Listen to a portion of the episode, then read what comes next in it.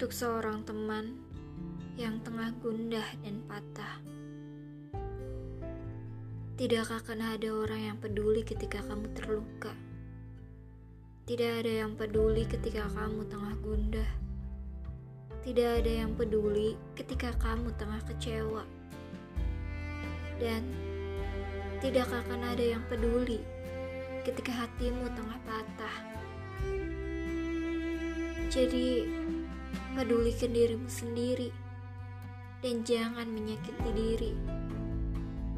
Hidup itu bukan tentang mereka yang memperlakukanmu begitu buruk.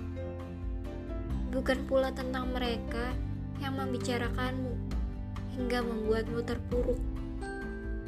Hidup itu tentang kamu dan apa yang kamu jalani saat ini.